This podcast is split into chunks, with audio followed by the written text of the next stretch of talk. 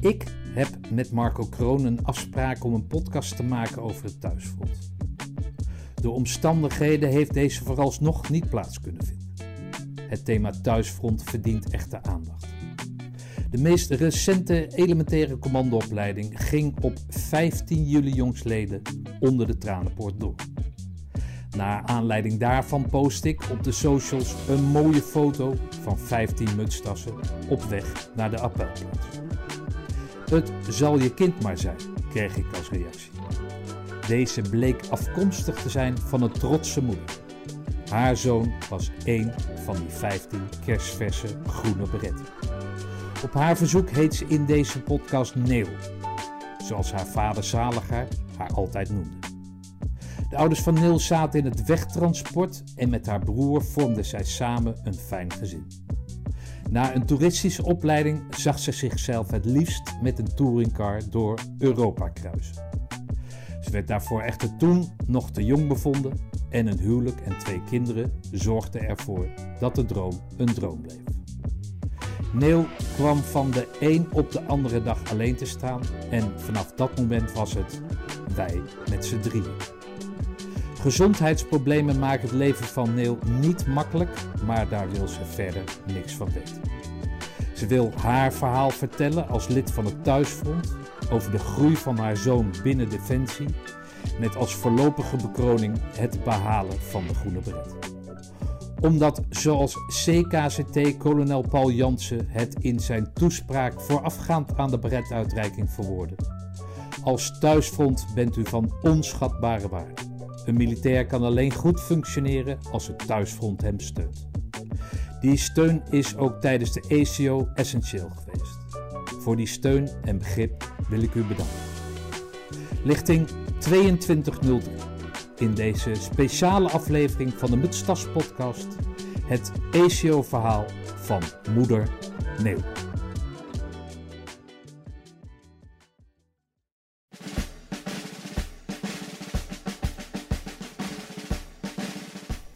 Wat, wil dit nummer, uh, als je dat zo hoort, wat, wat, wat wil dat zeggen voor jou? Wat, wat belichaamt dat nummer voor jou?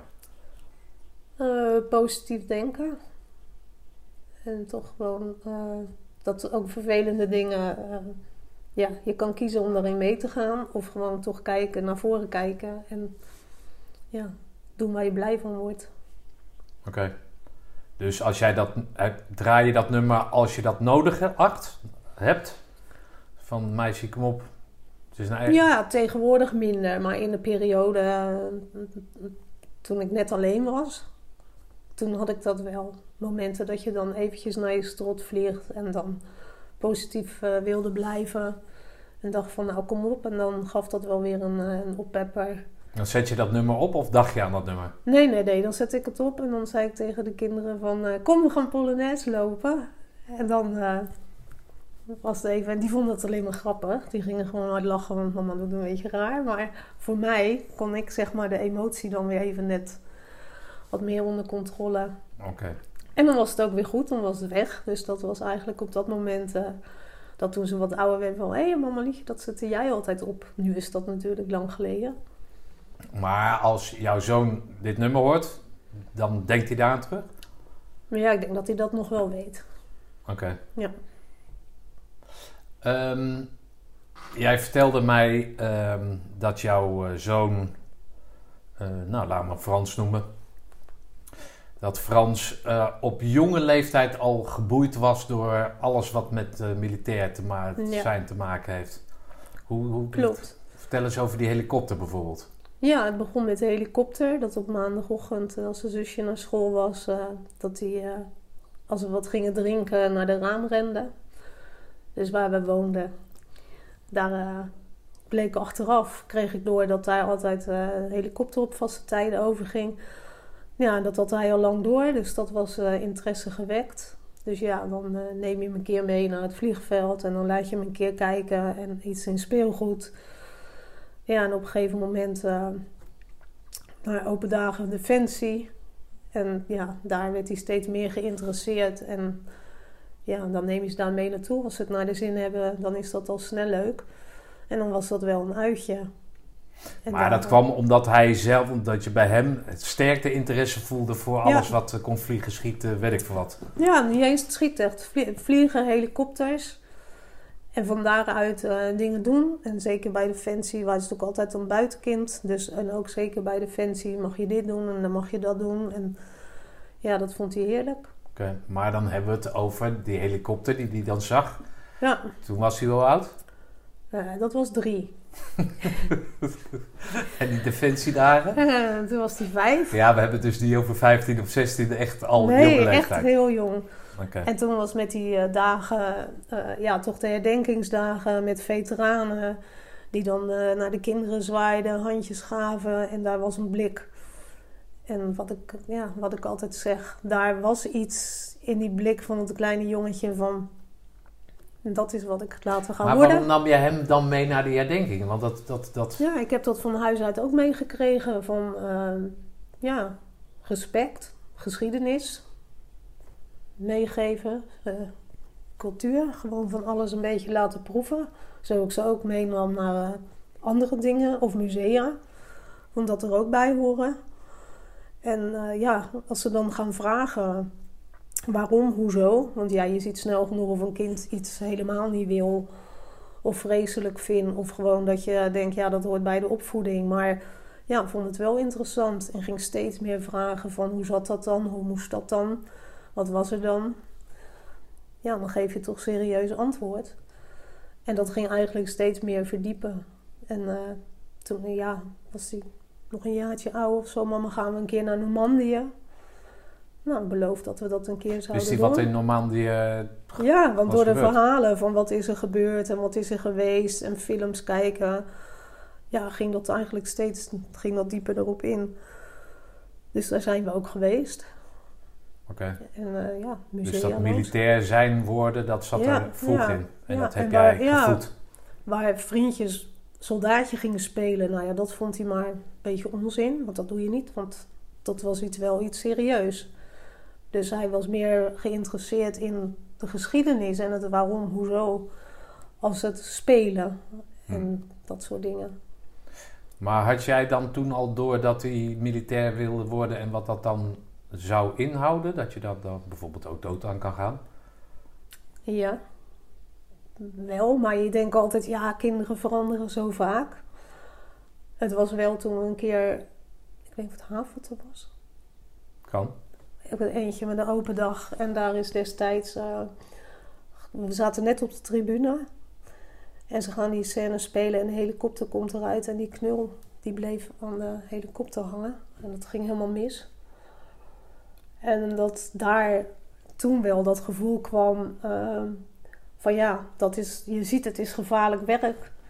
En hoe klein die ook was. En samen met zijn zusje, ja, maar, maar dat is toch met elk werk dat ik toen dacht van dit, dit zit veel dieper. Dit is een. Hij ziet het gewoon als een bedrijfsongeval dat kan gebeuren. En niet van oh, dat dit werk is gevaarlijk, daardoor kan dit gebeuren. Dus toen besefte ik wel van nou, je gaat nu wel heel ver daarop in en heel veel interesse. Dus ja, er zit, er zit wel iets in. Dus Ja. we zien wel, als het verandert is het ook oké. Ja. Maar ik zal je vragen beantwoorden en als je wat wil zien, dan zullen we dat bekijken. Dus dat wel. Oké, maar je hebt hem nooit op andere gedachten willen brengen. Nee. Oké. Nee. Dus als hij timmerman had willen worden, dan had je hem meegenomen naar het bos, hoe een boom wordt omgehakt. ja, weet ik zeker. wat. Ja. Ja, Ja. Oké, want jij komt, ja, dat, nou, dat hebben we in de inleiding al, je komt niet uit een de- defensie-gerelateerde gezin of zo. Of, Nee, of nee, helemaal niks. helemaal niet. Nee. Nee, oké, grappig. Hey, kon eh, Frans een beetje leren? Ehm, wat hij leuk vond. Ja. En binnen zitten, dat is eh, sowieso niet echt heel erg prettig. En eh, als hij dan moest lezen, dan kreeg hij letterlijk rode vlekken. En dan moest van de juffrouw oefenen. Dan zei ik van, ja, vertel mij wat. Ik zat altijd in de bibliotheek, dus dat is voor moeder al pijnlijk genoeg als je kind niet wil lezen. Dus alleen als het verhaaltje heel grappig was, dan, eh, ja, dan was het grappig en dan ging het nog wel. Maar voor de rest vond hij het helemaal niet boeiend. Totdat er een juffrouw was die ook zei: laat hem doen wat hij leuk vindt. En eh, dat er een boek was uh, waar hij mee naar de juffrouw ging van... Juffrouw, dit gaat over Galilei Galilei. Wat is dat? Dat uh, over de ruimte. Oh, oké. De ruimtevaart. Oh, ja, ja. Okay. En zij zei toen ook van ja, laat hem maar gaan. Ik heb liever dat hij iets doet wat hij leuk vindt. Want dan pakt hij iets op als dat hij iets moet doen wat hij niet leuk vindt. En dan gaat het er niet worden. Hm. Dus dat bevestigde eigenlijk wel van ja, ik kan jou een andere kant heen sturen. Of jou een beetje ontmoedigen om dit leuk te vinden. Maar ja, je moet je hart volgen. Oké. Dan gaat hij naar een middelbare school. Wat, wat, wat, wat, wat, wat gaat hij doen dan? Of wat, wat hem, wordt hem geadviseerd? Ziet hij toets, dat soort dingen? Wat, wat... Ja, gewoon VMBO, gewoon gemiddeld. En Oké. eh, toen koos hij ervoor om naar een andere locatie te gaan die kleiner was. Nou, rustig. Ja, dat vond hij prettiger. Nou, daar heeft hij zijn ding gedaan. En toen overleed de opa, een examenjaar. En toen dacht ik van nou, ja, die was al altijd voor hem. Dus ik dacht van nou, dat wordt nog eh, moeilijk. Toen zei hij, nou ja, oké, als ik nou een niveau lager doe, of van dat ene vak, er was een een of andere regeling, want dan kan ik in ieder, ieder geval hier weg, want ik wil naar de VEVA. Oké. Vertel eens wat Ja. de VEVA is. Eh, de vooropleiding voor Defensie, dus een beetje oriënteren. Misschien doe ik ze daar tekort mee, maar zo zag ik dat van nou, dan kan je kijken wat het echt is en of je het leuk vindt. En dacht, ja, dan kan ik nu zeggen van ja, doe een jaar over of een hoger niveau, maar wordt mijn kind daar gelukkiger van. Hij weet wat hij wil, dat weet hij al heel lang. En dat zien we dan wel weer. Maar ik denk dat hij daar meer baat bij heeft als dat je dan nu gaat zeggen van ja, blijf nog zitten of doe het over of niet. Dus toen hebben we die keuze gemaakt. Dus hij is geslaagd en hij is daarheen gegaan. En eh, ja, daar moesten we natuurlijk ook toestemming voor geven. Destijds was dat in ieder geval van dat je erachter stond omdat ze natuurlijk te jong zijn. Dat je als ouder daarvoor tekent. En eh, ja, ook uitgelegd van mama weet er niet veel van. En ik kan dat gevaarlijk vinden. En ja, dan vind je als moeder, ben je altijd bezorgd. Maar jij wil dit graag, dus ik zal tekenen. En waar ik kan, zal ik je steunen.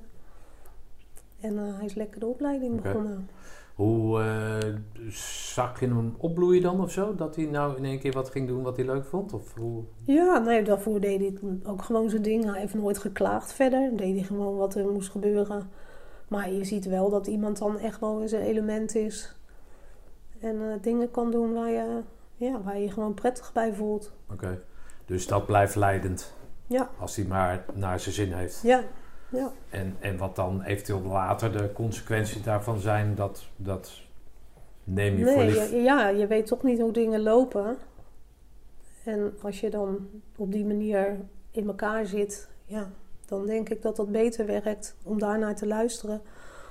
Als dat er natuurlijk tegenwoordig heel vaak, je wordt in een hokje gestopt, je moet aan alle regeltjes voldoen. Terwijl ik denk, hoeveel kinderen laat je niet eh, ja, zich, zich beperken door de eisen van een ander. Wordt iemand daar gelukkiger van? Terwijl ik denk dat je juist in je kracht staat als je iets doet waar je gelukkig van wordt. Oké. Oké,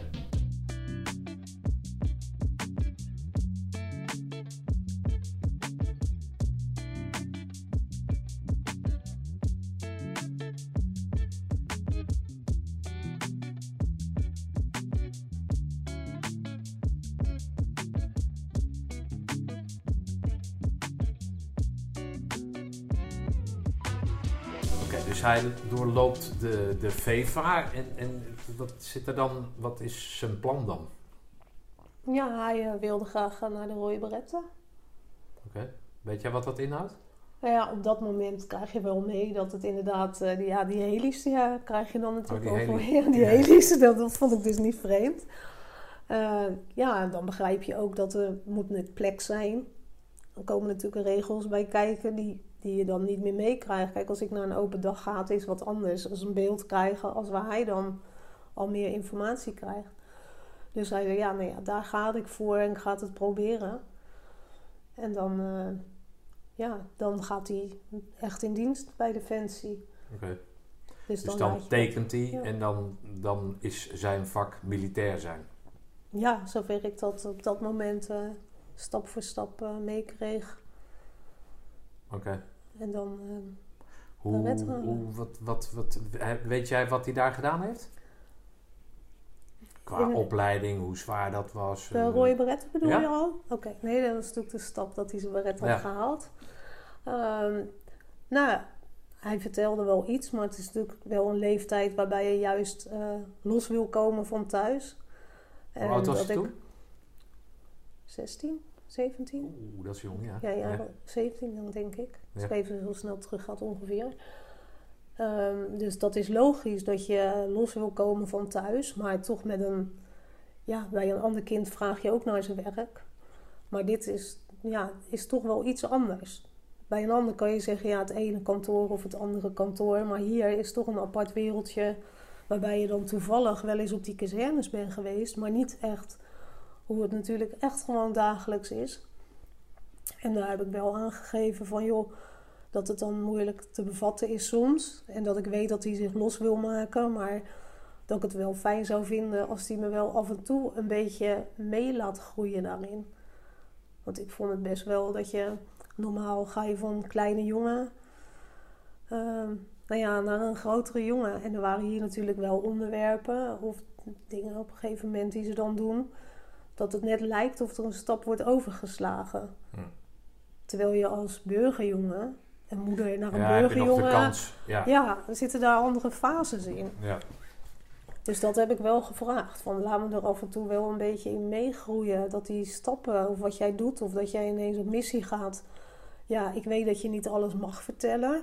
Niet Maar alles vertel, wil sorry dat vertellen. ik je onderwerp, maar vertel eens wat over jouw band met, met jouw zoon. Ja, die was goed.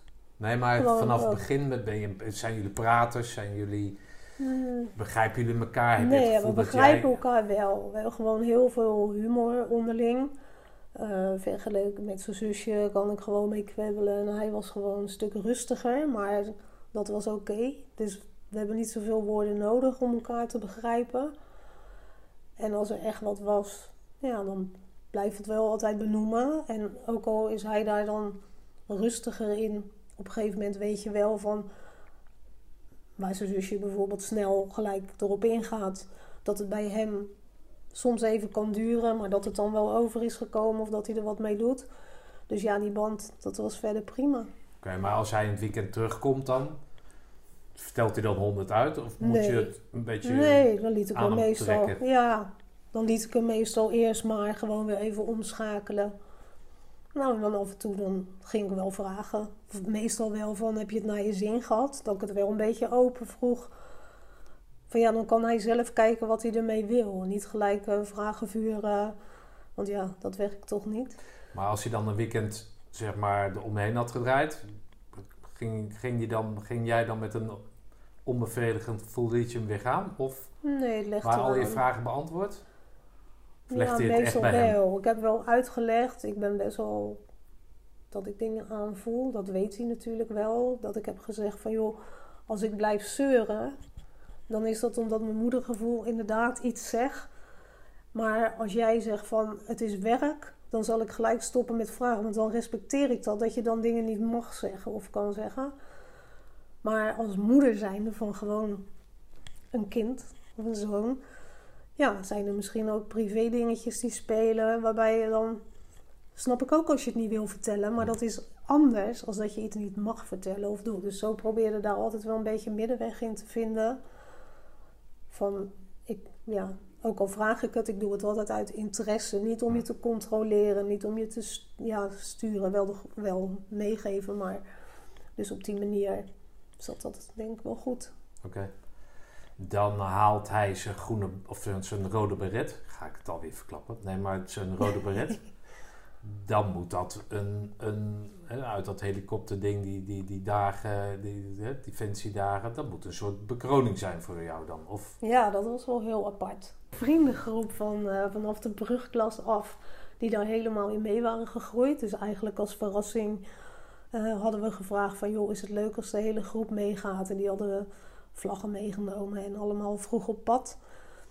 En dat was, eh, ja, was wel heel leuk. Maar zelfs een van de jongens, die had tentamen in die periode... en die had zijn leraar uitgelegd van... joh, mijn vriend gaat zijn baret halen, maar ik heb tentamen. Dat de leraar zei van, ja, dat is toch wel iets ja, die gaf toch ook wel mee hoe belangrijk defensie is en onze vrijheid.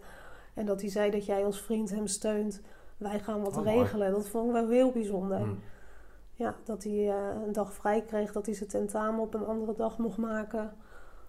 Om dan met z'n allen bij te zijn. Dus dat was een heel mooi eh, traject. Niet alleen voor mijn opvoeding, dat je zegt je kind is gaan doen waar hij blij van wordt. Daar heb je hem in gesteund. Dat heeft hij bereikt. Maar ook gewoon de, ja, zijn, zijn eigen ontwikkeling en met eigen vrienden. Dus dat was wel, eh, was wel heel mooi. Schiet je vol dan? Daar wel, ja. Ja, nee. Nou, geen doedelzak horen. Want dat, Nee? sinds toen, nee, dat, eh, nee, daar ben ik Maar wel heel dan, emotioneel. beschrijf, ja, die doedelzakken, dat, dat is natuurlijk, ja. dat, ja. Nee, ik ben heel, zeg we hebben heel veel humor, maar ik ben ook heel gevoelig. En ik kan dat voor mezelf niet, dan ben ik nog wel hard of dan nuchter en kan ik zijn. Maar met dat soort dingen, dan, eh, ja, dan eh, schiet ik wel hè.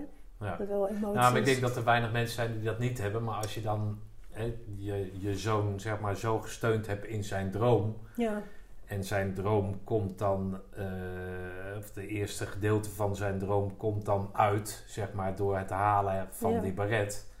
Dan ben jij natuurlijk zijn moeder, maar ook een buitenstaander binnen dat. Maar jij hebt natuurlijk je gevoel daarin. Ja, en ik had gezegd van als je... Kijk, toen was dat allemaal natuurlijk nog nieuw. Je gaat lang weg, je zit in de opleiding, je hoort niks. En, En hij als is je het... betrekkelijk jong nog. Ja, natuurlijk, hij was hartstikke jong. En als, Ja. hij, als jij daar dan binnenkomt van... eh, als je het haalt en ik sta daar en ik ben de eerste die... Nou ja, tussen aanhalingstekens recht heb om jou dan gewoon te pakken. Te feliciteren. En dan word je ook gewoon zelfs als moeder nog even wat geleerd dat je niet alles kan plannen. Want uiteindelijk, het was heel heet op die dag, het was druk, het was een grote groep. Ik, kon, ik zag hem niet. Uiteindelijk bleek degene die erbij waren, iedereen had hem gezien. En toen kwam hij op mij aflopen. En dat was achteraf, hè, terwijl je eigenlijk dan de eerste wilde zijn. Toen kwam hij naar me toe en toen had hij iedereen gehad. En hij is nooit knuffelig of open daarin. En ja, dan die blik die je dan samen hebt. En hij pakte mijn hand en toen hield hij mijn hand vast. Hm. En dat heeft voor mij, ja, dat is dan zoveel meer als omdat je dat niet verwacht. Hm. En dat je het anders had in je hoofd. Oh, dan sluiten we dat af en dan ben ik de eerste die hem, eh, die hem vasthoudt. En dit was eigenlijk veel mooier. Want dat was gewoon van oké, het was achter de rug. En we laten daar. En ja, en dat je ook gelijk eh, met haar uitgaan. Omdat het zo heet was, zei in de auto van joh, doe lekker je, je ding Je uit, je shirt, aan, je shirt uit. En op dat moment vergeet ik ook nooit. En het was echt zo buiten de poort. en dat, dan besef je van ze groeien zo hun Ja. eigen wereld in. En je opvoeding of je, je, je lieve bedoelingen als moeder, doe maar lekker. Doe, van nee, ze hebben eigen regels, ze hebben nieuwe Ja. regels. Ja, en dat is, eh, ja, was heel mooi. Op zo'n moment even slikken van oké, maar ja, dat zijn wel de dingen die je bijblijven. Die eh, ja, apart zijn.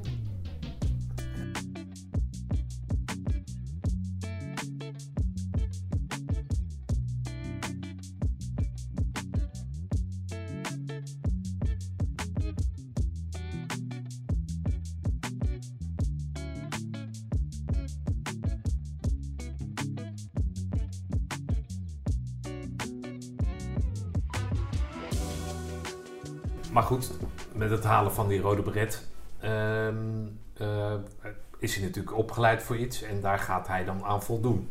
Ja. Wat, wat, wat, wat heb, krijg jij daarvan mee? Nou ja, toch af en toe nog vragen: waar ben je geweest? Wat heb je gedaan? Nou ja, dan krijg je daar heel kort antwoord op. Dus wel iets. Gewoon, waar is een oefening geweest? Nou ja, wat heb je geleerd? Het is allemaal kort, maar het is iets. Ze kunnen ook niks zeggen. Dus ik had zoiets, zolang ik maar zag dat hij het naar zijn zin had en dat hij de juiste keuze had gemaakt en dat hij daar plezier in had, ja, dan was het goed.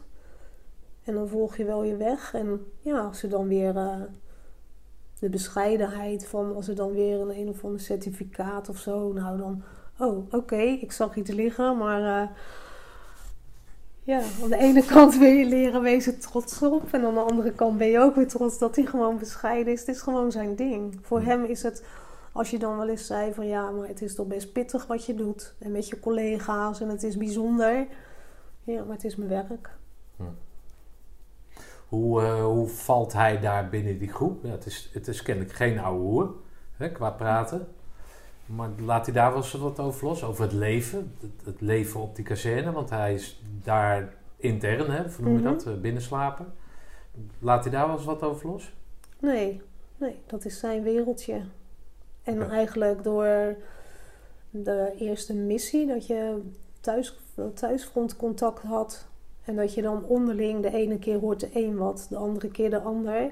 Dat was voor mij een hele leuke periode. Omdat dan een ander wat doorstuurde en dat je dan een beetje beeld kreeg. Dat zijn ouders die zich verenigd hebben. Ja, over relaties. eh, En dat is uit Defensie, komt dat? Of ja, dat was een eh, besloten groep.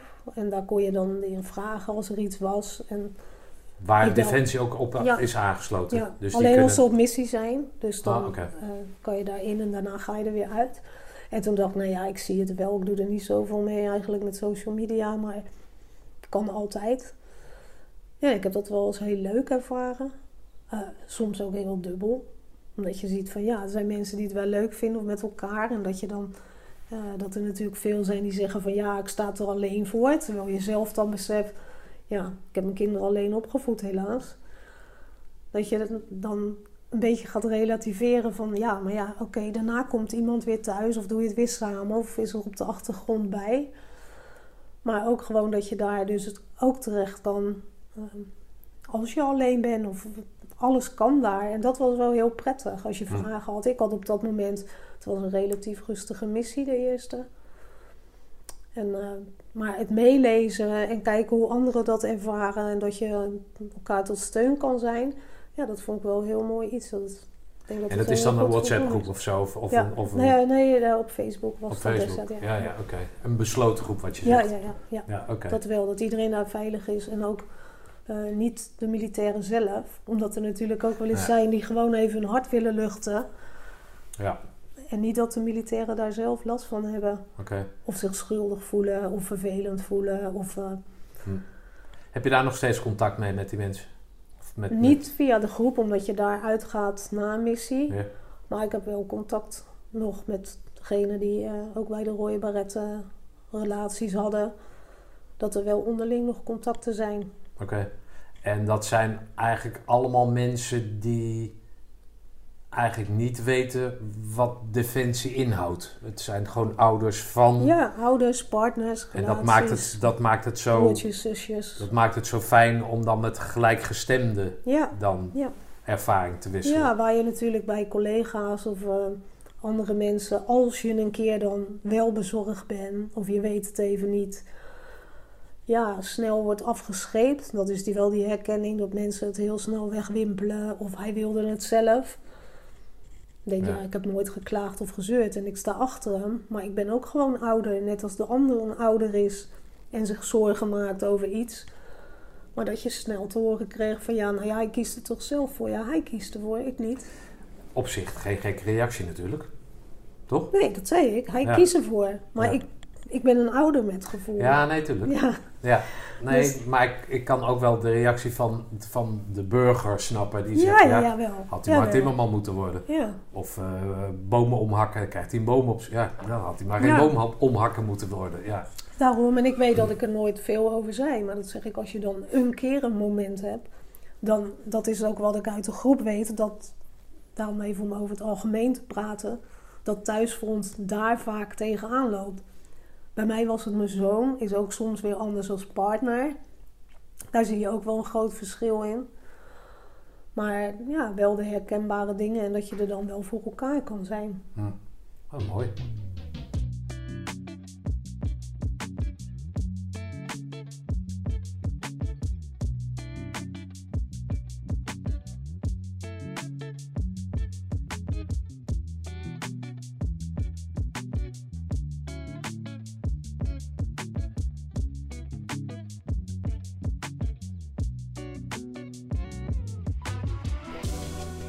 Jij vertelde over missie. Hij is eh, bij eh, Luchtmobiel twee keer op missie gegaan. Kan jij eens vertellen hoe zo'n proces gaat van dat hij tegen jou zegt van ik ga op missie en, en wat je dan met elkaar beleeft? Ja, dat is op dat moment slikken. Dat is natuurlijk wel weer een paar stappen verder in zijn, eh, in zijn traject. Waar hij natuurlijk dagelijks kleine stapjes in maakt, krijg je dan thuis ineens gewoon de volgende stap. Ja. Dus dat is dan best wel even van nu wordt het menens. Dus komt in één keer uit de lucht vallen man. Over een Ja, week je, ga ik missie. ja, ja, nou ja, niet een week. Er zit wel langer vooruit eh, dat je natuurlijk dat ze daarop voorbereiden. En dat ik destijds wel zag van, eh, dan denk je, oké, daar werk je naartoe. Ja, je hebt ook een oefening. En dat je toen wel realiseerde dat het voor hun ook anders is. Dat je wel merkte dat hoe dichter het bij kwam, dat een beetje meer, dat heb ik ook de ervaring dan met de anderen. Ik heb nog een ouder waar ik veel contact mee had. eh, die dat ook herkende, van dat ze meer in, een, in de bubbel gaan zitten al. Dus dat is dan ook wel apart om te zien. Dat je dat ook herkent bij de ander. Dat je in eerste instantie denkt, is er wat? Ja, en dat de anderen dan ook vertellen en dat herkennen. Die Dus focus die ja, die focus. Hun gaan wel Ja. focus van we moeten dit nog doen, we moeten dat nog doen. En een beetje, ja, al op een andere manier eh, met dingen bezig zijn. Oké. Ik heb wel eens gehoord van die brieven die dan eh, die, die militair dan eh, moet maken, moet Ja. schrijven. Wat, wat- wat- krijg je daar wat van mee? Wat, Mm, doordat ik dingen die ik wel kon ja, nakijken. Of als ik interesse toonde. En of dat dan was door zo'n open dag waar je wel eens wat hebt geleerd. Of waar je wel eens een keer wat hebt gelezen. Dat ik dat dan vroeg. En dat ik wel merkte dat het mij, voor mijn zoon sprekende. eh, dat allemaal een beetje op afstand hield. Ja, oké. Hoeft niet. Hm. Ja, en dan is het afwegen. Ga ik een moeder zijn die door blijft drammen of ga ik het respecteren? Want het is nogal wat als je zo jong bent en je moet eventjes vertellen hoe je het allemaal wil. Eh, dan kan je nog zeggen, het is mijn werk en het hoort erbij. ja. Maar het even vlak voor je neus zwart op wit moeten zetten, dat is toch wel een ander verhaal. Dus dat heb ik wel een paar keer gevraagd van, nou ja, er zijn wel dingen die ik globaal wil. eh, of die jij wil, dan moet ik dat wel weten. Dus we hoeven er niet een heel verhaal. Maar Nou, Maar dat is zijn er, is er iets? Ja, ja, ja dat, dan blijf ik wel vragen. Want soms je kan niet alles uit de weg gaan. Lijkt me een of wat moeilijk, dan ook. moeilijk, moeilijk gesprek dan of zo. Of ongemakkelijk Ja, natuurlijk wel.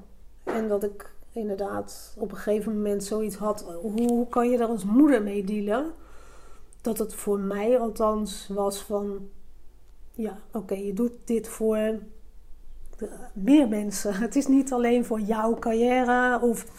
eh, nee, er zit iets veel groters achter. En dat je dat doet. En dat je daarachter staat. En dat ik zoiets had, heb ik daar als moeder wat aan? Dat je dan zo'n ceremonie ziet, zou dat dan meer troost geven? Zou dat het verdriet iets draaglijker kunnen maken? Dus op een gegeven moment heb ik dat benoemd van... Nou ja, natuurlijk hoop ik het niet. Maar aan de andere kant, als je dan zo'n ceremonie hebt... Ja, misschien geeft dat troost. Dat heb ik benoemd naar hem. En toen zei hij eh, van... eh, ja, maar dan eh, die ceremonie, dat moet je niet doen. Dus ik had zoiets van, oké, hij denkt daar dus heel anders over, maar ik blijf achter. Dat, dat is dan wel een dingetje. Terwijl die me toen juist uit ging leggen. Ja, maar mama, als jij zegt, ik vind dit mooi of ik wil dat. Als je zo'n, ik weet niet precies hoe het heet, maar ik noem het even zo'n totale ceremonie. Dan heb jij niks meer te vertellen. Ja, dus uiteindelijk Ja, dacht hij veel meer aan mij Hm. als dat ik op dat moment dat het leek. Dus dat, ja, daar leer je dan van. Oké, en wat hebben jullie besloten dan? ehm, hij had dan gedeeltelijk. Oké. Ja. Dus, je, dus niet zo'n militaire ceremonie volledig, maar... nee, dat, dat- dat, dat was toen. Ja, ik weet natuurlijk niet als er nu dingen zijn wat hij nu beslist. Maar want daar, ja, dat zijn natuurlijk ook, Maar elke missie wordt een nieuw, nieuwe brief geschreven. zover ik weet wel. Ja, ja. Ja. Of ze dat doen en of die verplicht is, dat weet ik niet precies. Omdat ik bij hem niet echt eruit kreeg van... hij laat daar niet veel over los. Dus of dat confronterend is, of dat hij dat gewoon voor zichzelf wil houden, wat je dan ook moet respecteren, dat weet ik dan niet. Maar ik heb toen wel het boek gezien en er staat inderdaad wel heel veel. Het is best wel heftig. Dan is de dag dat hij, eh, dat hij vertrekt. Dat is meestal van Eindhoven of Ja, zo? ja, hij ging van Eindhoven af. Rijdt dan, hoe gaan jullie daarheen dan? Ja, we hebben hem weggebracht en het werd al een dag verschoven. Dus dat is, ja, daar, dat leer je ook mee omgaan. Dat het nog wel is dat je dan die emoties helemaal. En dat het dan weer een dag verplaatst wordt. Nou waren wij natuurlijk moeder, zoon. Je bent al wat volwassener. Maar ja, collega's met kindertjes die daar. Dat is best pittig. Om Ja. dat weer te veranderen hoor. Dat Ja, is wel en- emotioneel. ja. En ook wat je daar ziet, dat je, dat je al merkt, hij heeft van ons al afstand genomen. Het is dat wij hem dan weg willen brengen als, als vader, zusje. ehm, dat wij daarmee bezig zijn, maar dat het voor hem eigenlijk al, nou ja, jullie willen dat, jouw rekening met elkaar, maar dat je merkt, hun zijn al met elkaar bezig, hun zijn al daar. Je steunt je collega die wel zijn kindje achterlaat, eigenlijk al niet meer met ons. Maar doordat ik met de anderen al een beetje een gesprek had, was je ook al een beetje daarop voorbereid. Dus dat scheelde. Ja, dus die focus die, die is zo heftig, die bubbel is zo heftig, dat het gewoon, omdat het moet of hoort. Ja. Maar in principe is die Nee, met zijn gedachten al daar. Ja, dat zal voor iedereen anders zijn. Ja. En hij geeft dan alleen aan van, eh, nou ja, het hoeft niet per se. Als moeder heb je dan soms, is dat, ja, is dat stoer zijn of juist niet? Ben je dat? Ik ken hem natuurlijk inmiddels wel dat hij gewoon nuchter is. Eh, hij is inmiddels natuurlijk veel verder daarin gegroeid, dus dat verandert ook. Maar ja, je blijft altijd als moeder kijken. Ja.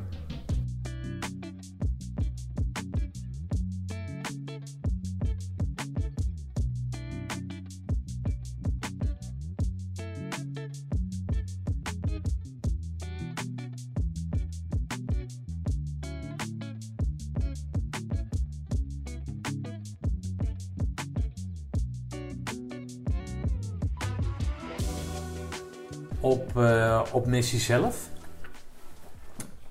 Ja, wat, wat doe jij dan? Wat, hoe, hoe kom jij je dag door? Nou, de eerste, dat was wel apart, omdat hij eh, net een paar weken voordat hij eh, op missie ging, op zichzelf ging wonen. Dus dat was eigenlijk, eh, moesten er nog dingen gebeuren.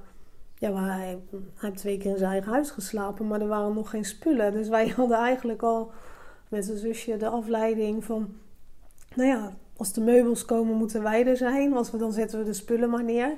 Dus dat scheelde, dat was een beetje afleiding. En verder ja, hoop je dat rustig blijft. Je hebt natuurlijk wel de voorlichting gehad van Defensie. Ehm, dat je niet naar het nieuws moet luisteren. Dat als er wat is, dat je het via hun hoort. Dat is in het begin natuurlijk allemaal... Ja, alles is nieuw. Dus daar probeer je aan vast te houden. Eh, af en toe ga je een pakketjes maken om te sturen. Wat als moeder moeilijker is als dat je naar je geliefde een pakketje stuurt. Dan kan je er van allerlei maar ja, als moeder. Dus ja, dan probeerden we toch een beetje te verzinnen. Wat stuur je dan? Ja, op Foto van moment, jezelf? eh, nou nee, daar zat hij dan ook weer niet op te wachten. Nee, soms was het dan niet dat je dacht van, nou ja, dat vindt hij dan misschien lekker. Dat was dus druk mislukt. Het was daar best wel heet. En hij houdt van avocado.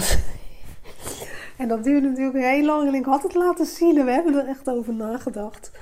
En dat je dan toch een berichtje krijgt van, nou dankjewel. Maar het zag er raar uit. Weggooien, weggooien. Maar het, ja, toch is het dan ook wel weer humor. Het, het breekt. Je moet Ja. er gewoon wel... Weet je, je hebt het gedaan. Je bent ermee bezig. Het leidt af. Hij weet dat we het goed bedoelen. Hij zit helemaal niet op al die dingen te wachten. Ik heb wel een keertje... Dat vond ik zelf wel heel leuk. Ik moest wel elke keer huilen als ik weer een A4'tje kreeg. Maar toen dacht ik van ja, halverwege om af te tellen... heb ik eh, vrienden en bekenden allemaal een A4'tje gegeven... of ze iets wilden schrijven. Of erop wilden doen. En dan verwacht je gewoon dat ze zeggen, joh, succes, nog even volhouden. Maar mensen komen daar echt met hele persoonlijke dingen. En dat was een heel pakketje, Ja. ja. kalender om af te tellen. Ja, dat was wel, dat raakte me wel. Hm. Dus dat, ja, dat soort dingen stuurde je op. Maar gedurende de dag, want het leven gaat natuurlijk door. Ja, maar ja, ik moest gewoon werken. Ja, maar zit Ja. dat de hele tijd in je achterhoofd? Of, of, of Nee, kan je je zinnen verzetten? Het was dan- natuurlijk relatief rustig. Dus dat scheelt al een heleboel. Ehm, ja, toch geprobeerd. Je weet dat je er doorheen moet. Dus toch gewoon geprobeerd je ding te blijven doen. En niet te veel nadenken over wat er kan gebeuren. Maar wel, ja, als je wel het nieuws hoort, tuurlijk zit je gelijk rechtop. Tuurlijk blijft dat, eh, blijft dat spannend. Dus dat gaat in momenten. En ik merkte wel toen het eenmaal naar het einde toe, ehm, heb ik, ja, nu lachen we er nog wel eens om, maar dat ik het verschil merkte. Ik kon het ook met de andere moeders in die groep. En dat we zij het, het een soort vergelijken als nesteldrang. Ze komen naar huis. Ik denk herkenbaar voor moeders onder ons. Ehm, ja, het komt steeds dichterbij en die spanning die, die liep op. En dat mijn dochter, die, die altijd betrokken is bij de broertje en trots is en dat allemaal heeft. En die me echt elke keer aankeek van mama, je bent niet goed. Dat zij daar heel nuchter in stond van ja, hij is bijna veilig thuis. Terwijl er bij mij een hele andere emotie naar boven kwam. En dat op het moment dat dat vliegtuig landt en je ziet dat ze gewoon de voeten op de grond zetten en ze zijn veilig, die emotie die voel ik nu nog. Hm. Dat, dat was zo dat ik alleen maar daarna, dat mijn collega's vroegen, joh, hoe was het, dit en dat. Ik heb echt drie dagen gelopen. Ik kan alleen maar, ik wist niet hoe ik het moest omschrijven. Ik zeg, ik loop over van liefde. Ik kon het niet anders omschrijven als, ja, net als dat ze, eh, als het goed gaat als ze geboren zijn, dat je dat, Ja, nou dat Nou kon ja. ik niet. Dus voor mij was dit, ja. dus dat was een heel, heel speciaal gevoel. Van dat, ze dan, dat je echt weet, hij is veilig. Terwijl zijn zus dan daar nuchter in stond. En dat ik zei, ja, maar dat is het verschil met moeder zijn. Dat dat anders is.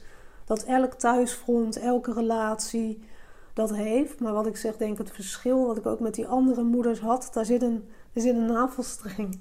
Ja, maar wat me zo moeilijk lijkt is dat je hem dan hè, verwelkomt op, op, eh, op Eindhoven. Je beschrijft daar in je emotie. Maar dat je weet dat hij een beroep heeft waar je de volgende keer weer bij die andere gate staat om hem uit te zwaaien. Nou, dat was al toen we naar huis gingen. Toen wist ik van, ik wilde graag, omdat je natuurlijk dingen hoort van ze maken nare dingen mee, je wil het weten. Wil je bij mij slapen? Maar ja, hij had net zijn eigen huis. Natuurlijk wilde hij naar huis. Nou, dat is dan wel even slikken, want ik denk, ik wil weten wat er gebeurt. Ja. Wil je in de gaten houden. Dat is je instinct. Van, ik wil wel zeker weten dat het echt goed gaat. En we zitten onderweg naar huis.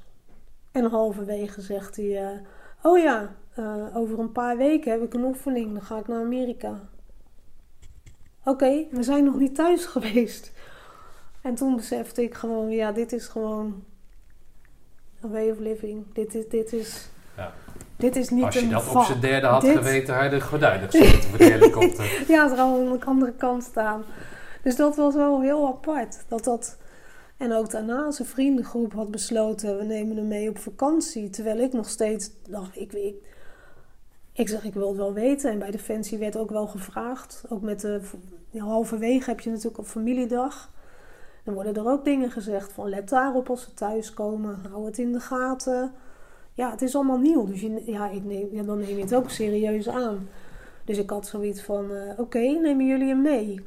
Ja, ik vertrouw die vriendengroep, maar toen ook wel gezegd van, joh, ik vertrouw jullie, ik ken jullie heel lang. Maar dit en dat is mij verteld. Hou hem wel in de gaten, want ik weet niet wat er gebeurd is. Achteraf, het was een rustige, relatief rustige missie, maar je weet het niet, want ze vertellen niet alles, ze kunnen niet alles vertellen, mogen niet alles vertellen. Dus hier hebben jullie een nummer van Defensie. Neem hem mee en geniet. Maar beloof mij, dan kan ik het ook loslaten. Maar beloof mij, als er iets is, dat je dan wel eventjes contact, eh, contact Ja. hebt. Hij is gelukkig niet nodig geweest, maar ja, dat zijn wel dingen die je beseft. Maar neem je die, die wetenschap wordt vanuit Defensie wordt gevoed, of in ieder geval aangereikt van pas op of let erop. Maar krijg je dat ook binnen die groep van andere ouders dan? Van, nou, mijn zoon is dit overkomen, mijn dochter is dat ja, overkomen? Ja, ja daar, daar zit ook wel dat ze, de een die dan wel wat meer vertelt of die het moeilijk heeft. Toen was het allemaal nog nieuw en vers en anders. En nu ik ook uh, al een langere tijd in Doren bij het thuisfront kom, ja, daar zitten ook wel de heftige verhalen. En het is gewoon heel fijn dat dat allemaal besloten is en veilig is en dat blijft gewoon privé. Maar dan, ja, dan wordt wel duidelijk hoe het ook kan gaan. Ja.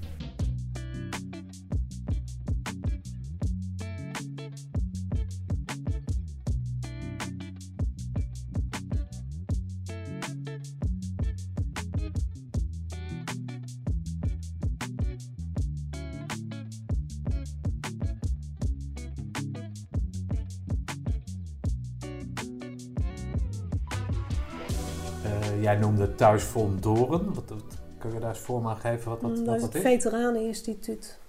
Dus daar doen ze heel veel dingen regelen voor veteranen, veteranen met problemen. Of als er gewone, kunnen ook gewone simpelere dingen zijn.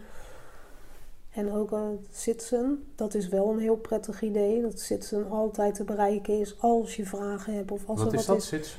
Sitsen kan je 24-7 bereiken als Ja. thuisfront. Voor als er iets is waar je mee zit. Of als je het even niet meer weet. Of dat je dingen hebt gehoord. Ja, daar kan je gewoon echt alles vragen. Oké. En dat, eh, dat vond ik persoonlijk. Die andere dingen is allemaal gewoon wel vragen. Maar voor mij persoonlijk, het idee dat die er zijn, Ja. dat is een fijn idee.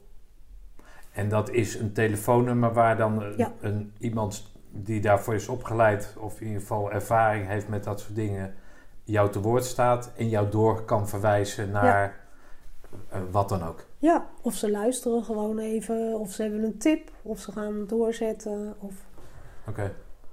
En dat thuisfront, dat is voor veteranen, maar ook zeg maar voor actieve, eh, eh, actieve militairen. Ja, ook die actief nog zijn. Ja, ja, oké. En heb je daar nu nog contact mee? Of Ja, ja, dat is ook een hele leuke groep. Waar we ook gewoon eh, onderling contact hebben. En ja, waar je elkaar begrijpt. Die toch Ja. anders erin staan als dat je gewoon over het algemeen in de burgermaatschappij. Dat je met een half woord elkaar begrijpt. Ja. En dat is defensiebreed door alle onderdelen heen. Ja, want in- daar zit ook een deel politie. kan Ja, ja, het oké. allemaal. eh, Oké, allemaal geuniformeerd en allemaal nou ja, ja, dezelfde missie, dezelfde... Ja, ja. Ja,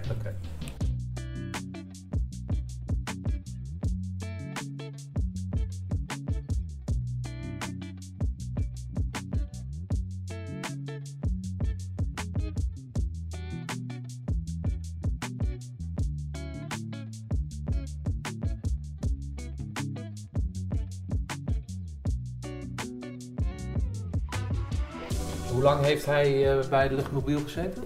Acht jaar. Oké. Ja. En acht jaar, nou dat hebben we al gezegd, binnen slapen. Dus was hij in het weekend was hij in zijn eigen huis en de rest zat hij eh, in, eh, in Assen. Ja. Ehm, maar op een gegeven moment wil hij wat anders. Ja, hij heeft altijd gezegd van dit is de eerste stap. En toen dacht ik van oké. oké, wat moet je dan verder? Ja, en toen begon hij veel vaker van... eh, hij had altijd wel een blad. Dus ik dacht, nou ja, dat is gewoon interesse. Nee, want uiteindelijk is dat wel mijn doel om de groene baret te halen. Dus dat wist ik wel. Maar ja, hij was daar bezig. Hij had daar nog veel te leren. Eh, kon nog dingen, had het verder naar zijn zin. Dus dan denk je van, nou ja, dat loopt wel los. Dat zie je dan wel. En dan ben je ineens een paar Wist jij wat verder. dat was dan, groene bret? Ja, ik wist wel dat het een ander onderdeel was. Ja. Maar ja, verder de details. Ja, je, je weet dan niet wat... Ja, voor mij is altijd iedereen Dichter huis in nodig. ieder geval. Ja, dat, dat wel. dat wel. Maar waar ik altijd, wat voor bedrijf ook, een bepaalde zachte kant heb en naar een totaalplaatje krijg dat iedereen elkaar nodig heeft. ehm, ja, is dan een militair militair. En of jij dan rode beret bent, terwijl ik natuurlijk op een gegeven moment ook wel doorkreeg of dat me verteld werd van het is net wel iets ehm, zwaarder. Hoe moet je het netjes zeggen? Want het- je bent niet minder, je bent niet beter, je bent niet... Want elke schakel is nodig. Alleen dat, ja, daar kom jij terecht. Dus dat dat wel gewoon, wat hij mij ook wel had verteld, van ja, groene baret is wel het hoogst haalbare. Natuurlijk wordt ook wel eens gezegd van, of werd er wel eens gezegd van ja, gaat dan, is dat KMS? Had dan ook theoretisch Ja. andere niveaus. Maar hij is, ja, tot nu toe, want dat zeg ik, dingen lopen natuurlijk anders, je wordt volwassen, maar dat hij altijd zoiets had, nee, dat is, ik noem het maar eventjes, echt in het veld, in die teams staan. Eh, dat is wat ik wil. Maar hij had dus een duidelijk uitgestippeld pad. Hij wel, Ja, ja. Op zijn derde die helikopter, Ja, eh, hoe heet dat, Ja. eh, defensiedagen meemakend op zijn vijfde. En dan VEVA, eh, rode beret. En dan zegt hij op een gegeven moment, ik wil die groene bret halen. ja. En hoe, hoe verloopt dat dan? Ja, hoe dat dan technisch gaat met aanmeldingen en zo, dat, dat zal Nee, maar wel. Maar, ja. maar zoals jij dat als moeder beleefd hebt dan? Nou ja, hij Jij gaat dat het, googlen, ja, wat dat is. Nou, ja, ook gewoon gevraagd. Van, hij ging dat proberen en op een gegeven moment, nou ja, dat ging goed en hij was ver gekomen. En eh, ze gingen een volgend onderdeel in. En hij bij van kom naar huis. Dus ik dacht, nou ja, het eerste is gewond. Dat is het eerste wat je denkt. Want het ging goed. Je hebt er zin in. Je wil dat. Waarom kom je naar huis? Of heb je iets fout gedaan? Nee, ik vind dat ik er nog niet klaar voor ben. Dus dan hou ik de rest op. Dus ik, dat doe ik nu niet. Nou, ik dacht echt als moeder, wat, ik, ik, kon even niet, eh, ik kon het even niet processen. Maar ja, oké, had ze draai weer gevonden, terug. Ja, dus even voor de duidelijkheid, heeft hij vooropleiding heeft hij gedaan. Hij is natuurlijk al militair, dus hij kan bepaalde dingen overslaan. Maar hij gaat die elementaire commandoopleiding in. Ja. En aan het einde van dag 1 zegt hij, ik stop ermee. Ja, omdat hij zelf vond dat hij nog niet klaar voor was. Dat hij qua leeftijd, eh, de ervaring, dat hij vond op dat moment dat hij dat gewoon niet moest doen. Ja, verklaar het maar. Misschien heeft hij dat stukje intuïtie krachtig, wel toch? van mij. Ja, heeft hij dat wel van zijn moeder? ja, soms heel vervelend. Heeft hij dat wel van zijn moeder? Ja, nee, maar wel, wel dat stukje, ja, wat je kan mee luisteren naar je gevoel. En dan kan ik denken, hé, hey, dit is helemaal niet logisch, maar ik heb hem zelf geleerd, luisteren naar je gevoel. Dus als dat jouw gevoel op dat moment is, ja, dan zeg ik ook mezelf klem. Ja, dat heb ik je geleerd. Nee, maar goed, als buitenstaander, dan ben je rode beret. Hè? Dus dan Ja. heb je iets hoog te houden. Dan wil je dat halen. Als je dan al in dag 1 en dan niet ontheven wordt, maar zelf zegt, ik ben er nog niet klaar voor. Ja, het tweede, Is- tweede onderdeel. Dus ja, oké, ja, maar goed, wel ja, ja, Maar dan, dan is dat wel een heel krachtig statement wat je maakt. ja, Positief, maar het zou natuurlijk op een of andere manier ook negatief uitgelegd kunnen worden. ja, ja. En dat is als je dan verder kijkt en verder leert of jezelf ontwikkelt, dat dat vaak anders in elkaar zit. Omdat mensen heel snel, dat natuurlijk, dat had je vroeger zelf ook, denk van ja, doe je het zo, zo. Maar op een gegeven moment dat je daar dieper op ingaat of verder kijkt, ja, inderdaad, dan heb je naar je gevoel geluisterd en dan moet je nu doen waar je dan nu wel goed bij voelt. Nou, en toen heeft hij nog een keer een missie gehad. En- terug bij ja, luchtmobiel. Ja, ja, daar kon hij gelukkig wel. Want dat heb je dan als moeder. Dat je denkt, ja, maar je bent daar weg. En Wat nou kan je dan. Ja, maar dat is wel bij Defensie dat je in principe dan, natuurlijk wel kan. binnen blijft. Dat is dan wel een voordeel. Als jij bij een ander bedrijf, ja, je gaat weg doen. Dus dat was dan wel fijn. Nou, en toen heeft hij daar nog een missie gedraaid. En ehm, ja, andere ervaringen weer. Maar waar hij wel steeds meer aangaf van... Nu niet zoveel te doen, niet zoveel uitdaging. En ja, het ligt allemaal een beetje stil. En daar wist ik van, dat gaat hem opbreken. Dat, Hm. dat is niet waarom hij daar zit. Hij wil zichzelf verbeteren, hij wil uitdagingen. Maar ja, wat, wat moet je dan als ze dat niet doen? En of dat dan bezuinigingen zijn of een situatie of... ehm, ja, dat weet je verder ook niet. Dus hij was inmiddels natuurlijk wel zo zelfstandig op zichzelf. Je doet gewoon je ding. Je hoort af en toe nog wat. Totdat hij op een gegeven moment kwam van... Ik wil het toch... eh, ik ga het toch weer proberen. Oké. En wat denk jij dat hij in die tussentijd geleerd heeft dat hij er dus dan nu wel, dat hij denkt dat hij er wel klaar voor is? Nou, sowieso ouder worden. Ja. Ehm, andere dingen zien. Ehm, ja, nog, zelf, nog zelfstandiger. Eh, je woont natuurlijk inmiddels dan op jezelf. eh, dat is allemaal anders qua Maar heb leeftijd. jij ondanks, sorry dat ik je onderweek, maar heb je dan ondanks dat je natuurlijk gewoon afstand hebt omdat hij elders woont, of op kamers woont, of in ieder geval zelfstandig ja, woont, heb je dan het gevoel dat hij gegroeid is? Ja, zeker Ja? wel. Ja. Ja, ook ervaringen natuurlijk nog steeds in het werk. Nee, maar zie je hem als, als Ja. zoon, zie je hem als mens, Ja, zie ja, je hem, ja, zie hem tuurlijk. Daarom zeg ik, dat wilde ik zeggen. Van, je ziet eh, wat ik eerder eens heb benoemd van eh, je maakt van jongen naar grotere jongen dat er een sprong in zit qua werk. Dat je natuurlijk ja, uitdagingen hebt of ervaringen hebt. Maar dat stukje daartussen, gewoon als, als mens, als zoon, gewoon als burgerjongen, laat het even noemen.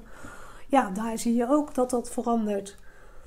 En dan komt daar, daar denk ik meer de balans in dat hij voor zichzelf ook voelde van nu is het. Hmm. En als ik het wil, dat heb je natuurlijk, terwijl in onze ogen als leek dat je gewoon denkt van ja, maar je bent fit. En als jij altijd aan het sporten bent, je blijft fit. Terwijl zij natuurlijk zelf al realiseren, eh, lichamelijk ben je nu eh, rond je hoogtepunt.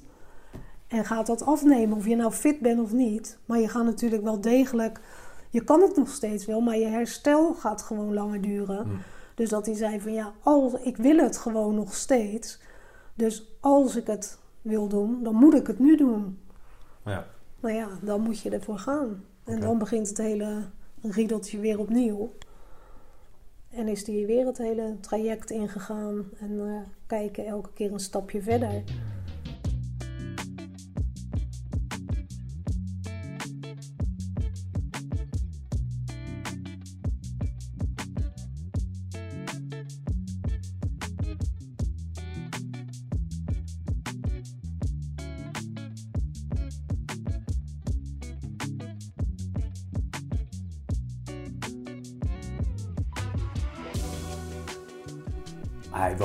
Zichzelf, al, al eerder gezegd.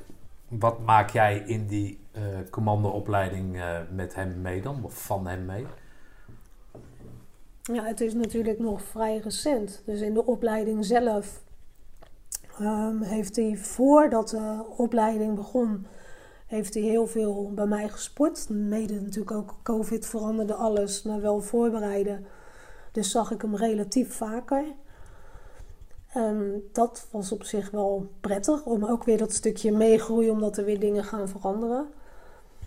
En eigenlijk in de opleiding zelf ja, zie je hem natuurlijk heel weinig. Normaal heb je nog wel eens een keer een appje dat je stuurt. Dat hij daar niet altijd op zit te wachten. Maar dat je, omdat hij binnenslapen was, dat je dan een beetje de plaatselijke dingetjes. Dat je dat toch een beetje betrokken blijft, weet wat er is. Dat je eens een keer een geintje doorstuurt of wat dan ook.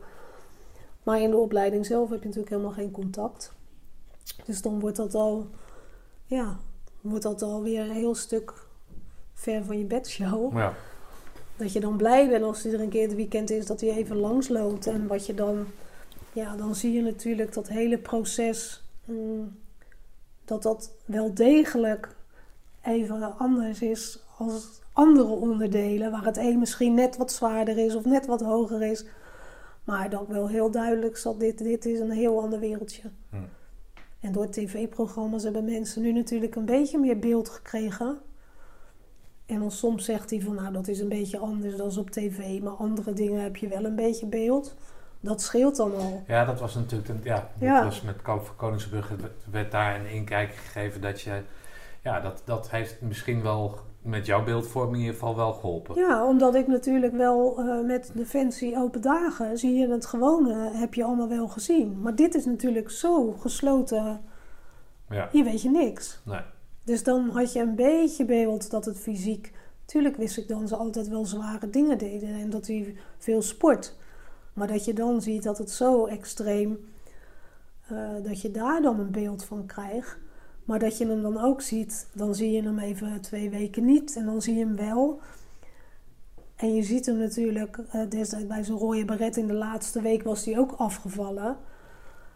Maar nu zag je dat natuurlijk ja, helemaal om de zoveel weken. Dat je natuurlijk iemand helemaal ziet veranderen. Fysiek, het afvallen, eh, kale kop, gezicht, eh, altijd alles anders. Ja. Dus dat, ja, dat is best wel apart om te zien. Hoe, hoe geef jij dat een plekje dan? Ja, je wist natuurlijk al zo lang dat hij dit wilde. Dus eh, ja, het hoort erbij. Ehm, je stapt erin. Ik, ik zal hem nog steeds steunen. Dus ik, ik, je laat het maar over je heen komen.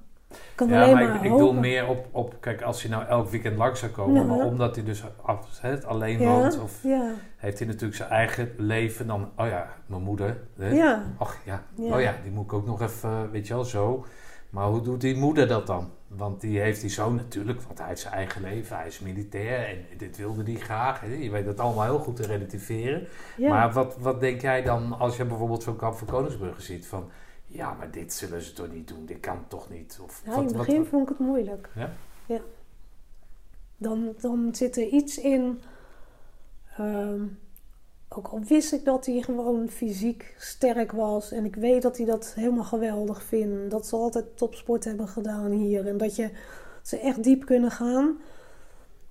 Maar je weet dat hij daarvoor kiest. En je ziet ook duidelijk in het programma wel dat ze het ook vaak wel goed bedoelen. Dat het voor een buitenstaander vaak als alleen maar keihard.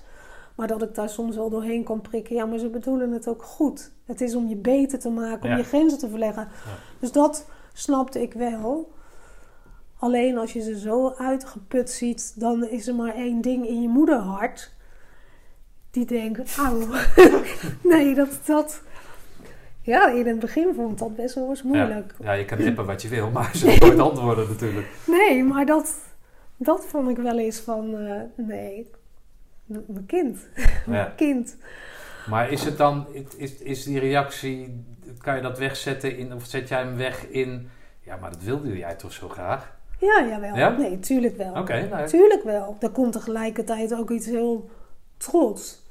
En dan af en toe heb ik, heb ik dit echt op de wereld gezet. Het kan niet. nee, maar ik heb mijn eigen kinderen, dat heb ik, heb ik wel eens vaker gezegd, maar dat, ik vind hem zelf zo treffend. Niet dat ik nou zo blij ben met mezelf, maar je weet, hè, gewoon uit levenservaring, weet je dat je door struikelen in het leven, Ja. hè, dat je daar wijs wordt, dat je daar Ja, En ik, ik, ik gun mijn kinderen het struikelen ook, Ja, maar niet te hard. Ja en helemaal niet als een andere. Als hij zelf struikelt. Ja, Maar als je door een ander eventjes dat om je oren. met, zo, met, met moeder zijn lijkt me dat zo moeilijk, weet je wel. Omdat het, omdat het echt zo uit jou komt, hè? omdat het echt jouw product is. Dat er iemand anders bij je schreef, prima. Maar echt jouw ding is en dat, dat, dat, je, dat je dat dan ziet leiden of zo, weet je wel. Dan leid jij nog tien keer erger. toch? Ja, en dat je denkt, kom niet aan mijn kind. Maar Ja. ik denk niet met mijn postuur dat het erg indruk maakt als ik naast een paar andere commando's ga staan schreeuwen. Blijf van mijn kind. Ik denk Ja. niet dat het effect heeft. Nee, Oké. Nee, nee, God, nee. jij, jij geeft dus al aan dat hij, dat hij de, de spaarzame momenten dat je hem ziet, dat, dat je hem dus ziet veranderen, vooral qua fysiek. Ja. Eh, wanneer krijg jij het gevoel van, eh, of krijg je het door, of whatever, maar wanneer komt dat tot je dat hij het mogelijk gaat halen? Nou, dat is echt pas als je daar staat. Als je, Ja? ja, daarvoor, je weet zo dat, dat er zoveel afvallen en met hoeveel ze gestart waren. En de keren dat hij er dan was, dat je toch vroeg, zijn er nog veel? Eh, dat je zag wat het met hem deed. En dat hij er dan toch nog bij is. Dat je echt elke keer wel, ja, nog eentje. Maar die kans is zo verschrikkelijk groot. Ik zei ook wel eens, van dit is een beetje net als dat je iedereen met kinderen weet, als ze de zwemdiplomaatje gaan halen, dat je denkt, oh spannend, die diploma's liggen al lang klaar. maar dat gevoel, dat, weet je wel, dat wel. Maar dat is met die baret niet. Dan moet je hem echt tot de laatste seconde. Oh, deze is voor Frans, over twee weken. Ja, nee. Ja, en dat, dus ja, zo hadden we altijd wel een beetje om het maar luchtig te houden van, ja, weet je, ik heb gewoon een grote kans. De, de wil is er. Je, je hebt gewoon heel goed voorbereid. Je bent de, de voorselectie doorgekomen. Maar er is ook nog iets met, nou ja, afgezien van COVID nu. Dat is natuurlijk nog een extra ding die wat erbij komt. Maar je kan struikelen. Er kan gewoon iets heel lulligs gebeuren. Je kan je dag niet hebben. Er spelen zoveel andere factoren mee. Dus dat, dan denk je, ja, ik gun het je. En ik, ik weet dat je veel kan bereiken. Maar omdat het wereldje heel besloten is, weet je ook niet helemaal wat het eindstukje Maar word je is. door het korps op de hoogte gehouden? Als ouder zijnde of Nee. als naaste? Niet? Nee, dat, dat viel me heel erg op. Dat er wel werd gezegd, op een gegeven moment blijven ze een weekend weg en dan hoor je dat. Maar daar viel me eigenlijk al gelijk op dat ik dacht van, ze doen hun voorbereiden, maar wij worden ook voorbereid. Ja, straks weet je ook niet waar die is. Zo voelde het een beetje. Ja, maar aan de andere Dus kant, relatief- als er, als er zeg maar altijd mensen kunnen uitvallen, ja, dan kunnen ze natuurlijk iedereen overal blijven over. Maar voor hetzelfde geld val je twee minuten later uit. En, snap je? Dus ik kan. Maar is Ja, er niet ik, neem, ik neem aan als er echt iets had geweest, dat ze misschien wel iets hadden nee, oh, geïnformeerd. dat, nee, dat geloof, Maar- nee, maar- dat geloof ik wel. Maar Ja. ik bedoel meer van. Goh, u wordt dan en dan verwacht, want dan eh, krijgt uw zoon Frans. Ja, wel, ja, tuurlijk. Oh, wel. die uitnodiging kreeg je wel. Maar, maar ja, wanneer dan kreeg nog. die dan? Wanneer was dat? Ik, ik denk voordat ze het laatste stuk ingingen. Twee dagen van tevoren. Nee, nee, nee, niet twee dagen. Nee, het was wel een, dat was wel een paar weken. Moet ik even terugdenken, maar dat was wel Een een week paar, van weken, een paar weken. Eh, Een paar van, joh, dan is die dan. Ik weet het echt niet. Ja, oké. Ik weet het echt niet meer. Voor mij wel iets langer, maar Oké. ja. Ja, oké. dus dan krijg nou, je krijgt wel, je, je, je kan de spandoeken gaan maken, zeg maar. Je krijgt de tijd om de spandoeken te maken. Ja, wel, ja, ja, wel. Dat wel. Hier sta ik, vooral. Oké. Ja.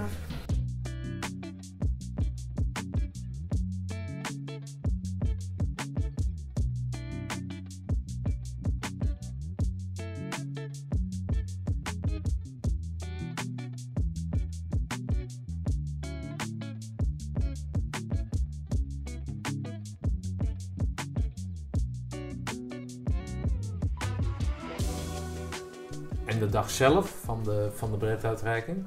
Ja, Wat- dat was. Je hebt natuurlijk op een gegeven moment dat je weet van nou, nu zit hij echt gewoon in de afmatting. Dan komt het heel dichtbij.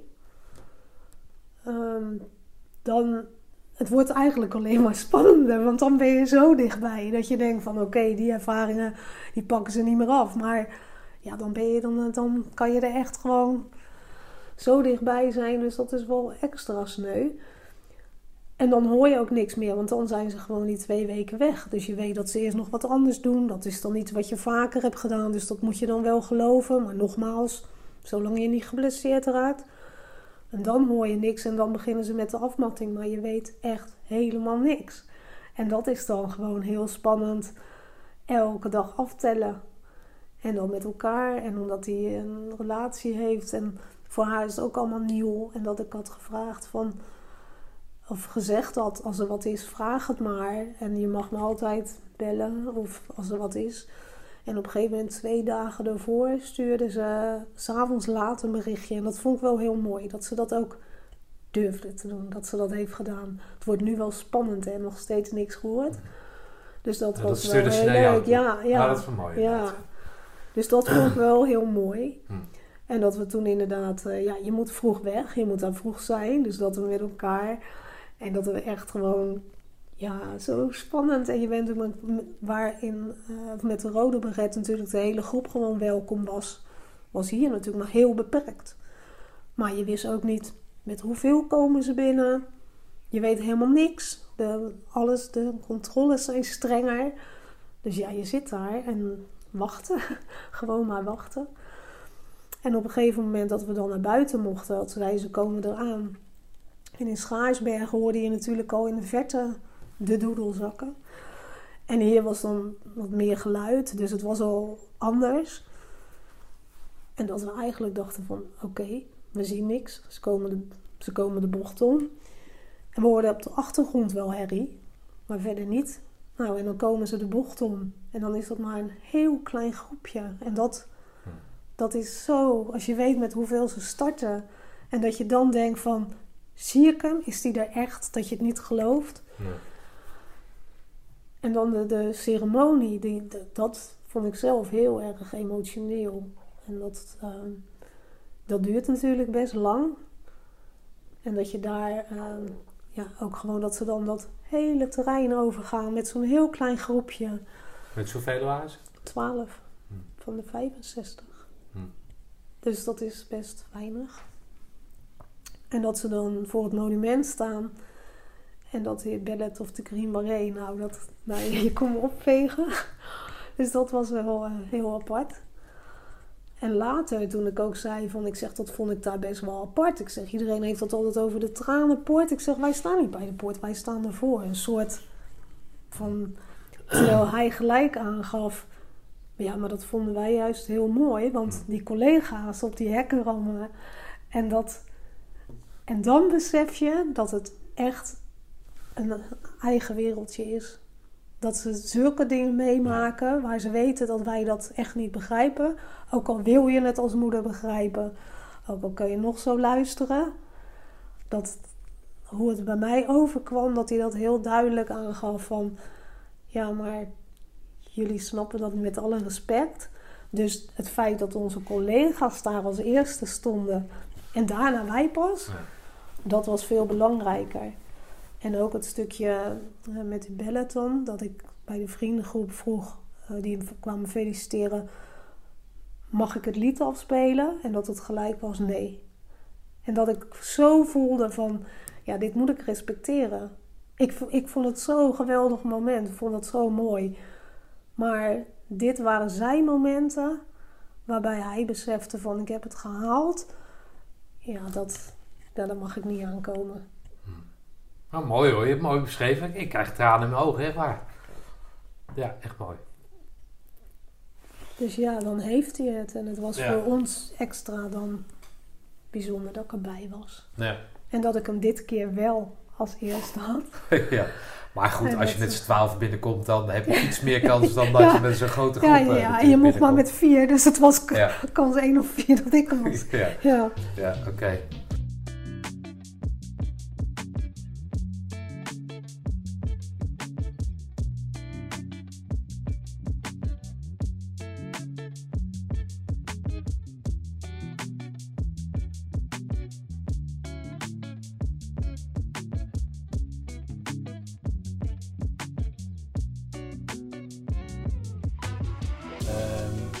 Eens, dus ze komen door die tranenpoort. Dan heb je eerst de collega's daar, dan komen jullie. Ja. Uh, dan gaan ze zich douchen, omkleden, weet ik wat. Worden jullie bezig gehouden dan in de ja, Ja, ja, dus we hebben al wat foto's gezien. En uh, ja, binnen. En daarvoor is morgens ook al de static show, een beetje met de spullen kijken. En uh, museumpje gekeken. Nou, en dan daarna... Museum, museum. Museum, sorry. museum. Sorry, Jack. Ja, Dus, uh, dus ja, dan, dan ben je daar wel bezig en dan krijg je een beetje een beeld. En dan de andere ceremonie, wat natuurlijk dat je denkt van, duurt dat lang als je dat allemaal achter de rug hebt. En dat ze, was dat mooi weer? Was mooi weer, toch? Ja, ja, ja, ja, dat wel. Maar dat ik ook denk dat ze, nou zo lang, als je zo lang, dat het, nou ja, echt gedrild, dat ze precies maar hoe lopen. Dan denk ik, ja, je kan met een hele groep zeggen, ik loop achter de rest maar wat je zegt met twaalf. Maar gewoon alles gaat gewoon volgens de regeltjes, volgens de... Ja, dat moet respect hoor. Ja. Dat is echt uh, knap. Ja. En dan zet hij die groene bret op. Dan gaat hij dus eerst al die vrienden gaat hij feliciteren. Of was jij de eerste deze keer? Nou ja, deze keer was ik dan de eerste. Dus uh, de rest van de middag heb ik een hele plak van het bier en van de, mijn witte jurkje met vlekken. Maar dus dat was, uh, ja, dat was heel leuk dat ik dit keer wel de eerste was. En met elkaar. En dat inderdaad ook alle collega's met het feliciteren. Dat wij later vroegen van... Hé, maar je zat toch op tentenkamp? Ken, heb je die allemaal dan al gezien? Nee. Maar dat het zo vanzelfsprekend is van... Want wij hebben respect naar hun en hun voor ons. Want ze weten wat we, hun weten wat wij gedaan hebben. Dus dat is heel bijzonder om te zien.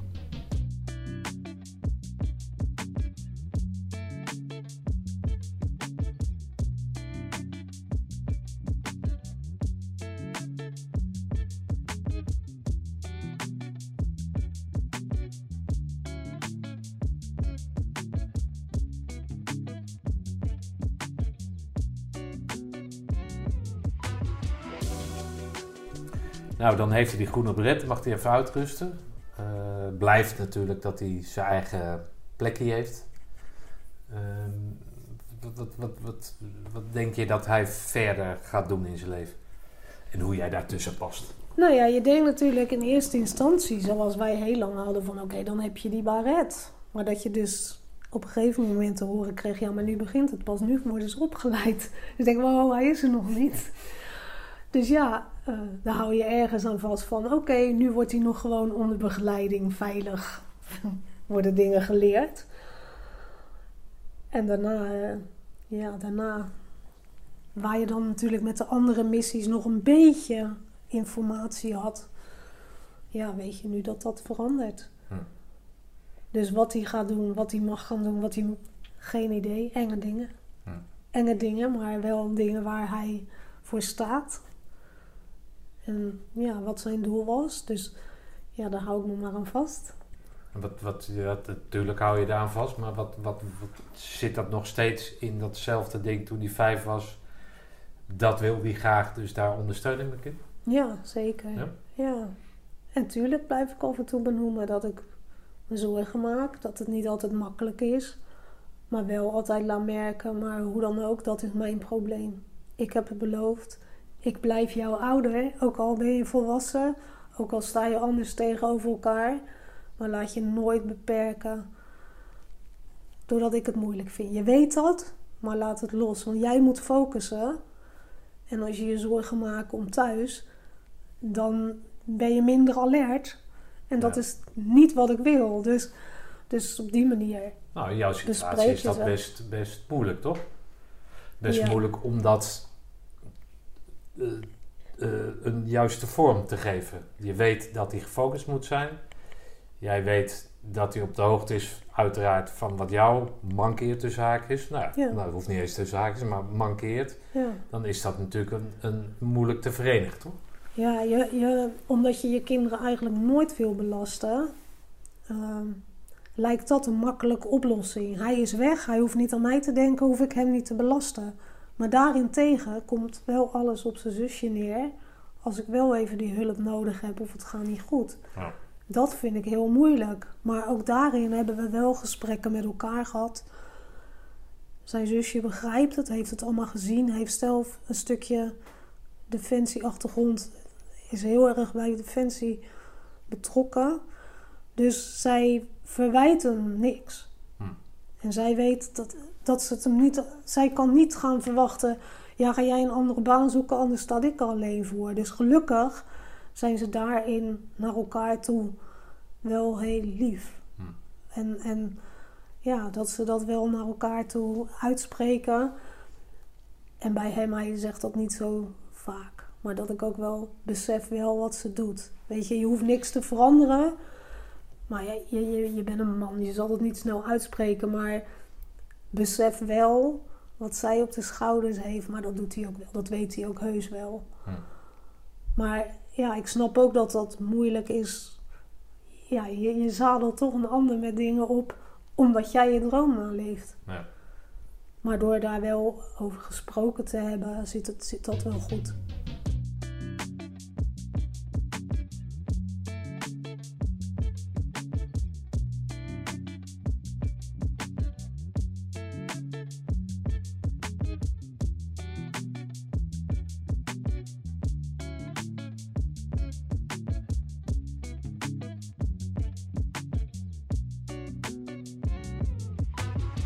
Vlak voordat, uh, eigenlijk voor de baret, de binnenkomst, uh, moest ik nog uh, een kleine ingreep ondergaan. En uiteindelijk was dat een anesthesist die ik vaker heb gezien.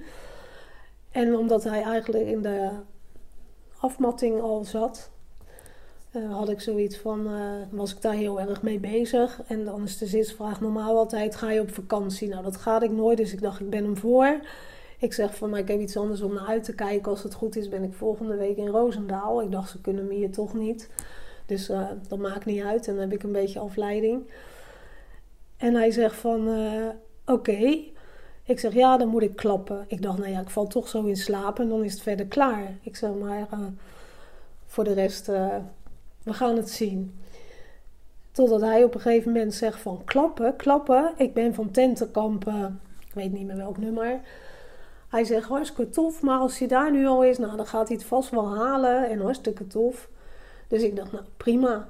En ze gaan verder met uh, alles voorbereiden. En op het moment dat hij zei van, uh, nou ga maar lekker slapen, ik pas goed op je. Uh, bukt hij zo, zegt hij dat. Gaat hij rechtop staan, gaat hij keihard het commandolied staan zingen. terwijl, zij, terwijl ik nog net meekreeg dat de collega's in de OK verder zich omdraaien en eigenlijk allemaal tegelijk, of een stuk of drie tegelijk vragen: Wat doe jij nou? Ja, zegt hij, dat is voor haar. Dus dat was echt, ik, zo ben ik in slaap gevallen. En dat was echt zo, zo apart. En even zo dichtbij van, ja, ik lig hier en hij moet daar. En later vertelde ik dat tegen mijn zoon, natuurlijk een paar weken later. En die had echt zoiets, meen je dat nou serieus? Ik zeg ja, ik zeg dat was zo'n mooi moment. Dat iemand even met een soort afleiding, positief, maar wist waar wat er in me omging. Wat, dat er heel veel emoties tegelijk waren. Dat, dat, ja, dat was een heel apart uh, moment. Ja, prachtig. En dat je dan ziet dat dat wereldje klein is. En dat, dat die jongens allemaal bepaald iets hebben, beeld hebben. Wat gewoon een, een familie op zich is. En dat, uh, ja, dat was wel heel mooi om te zien. Neil maakte gewag van twaalf kerels die hun mutstas mochten verwisselen voor de groene beret. Het waren er gelukkig vijftien. Lieve, dappere Neil, dank voor je verhaal. Ik heb ontzettend veel respect voor hoe je het allemaal fixt. Blijf sterk.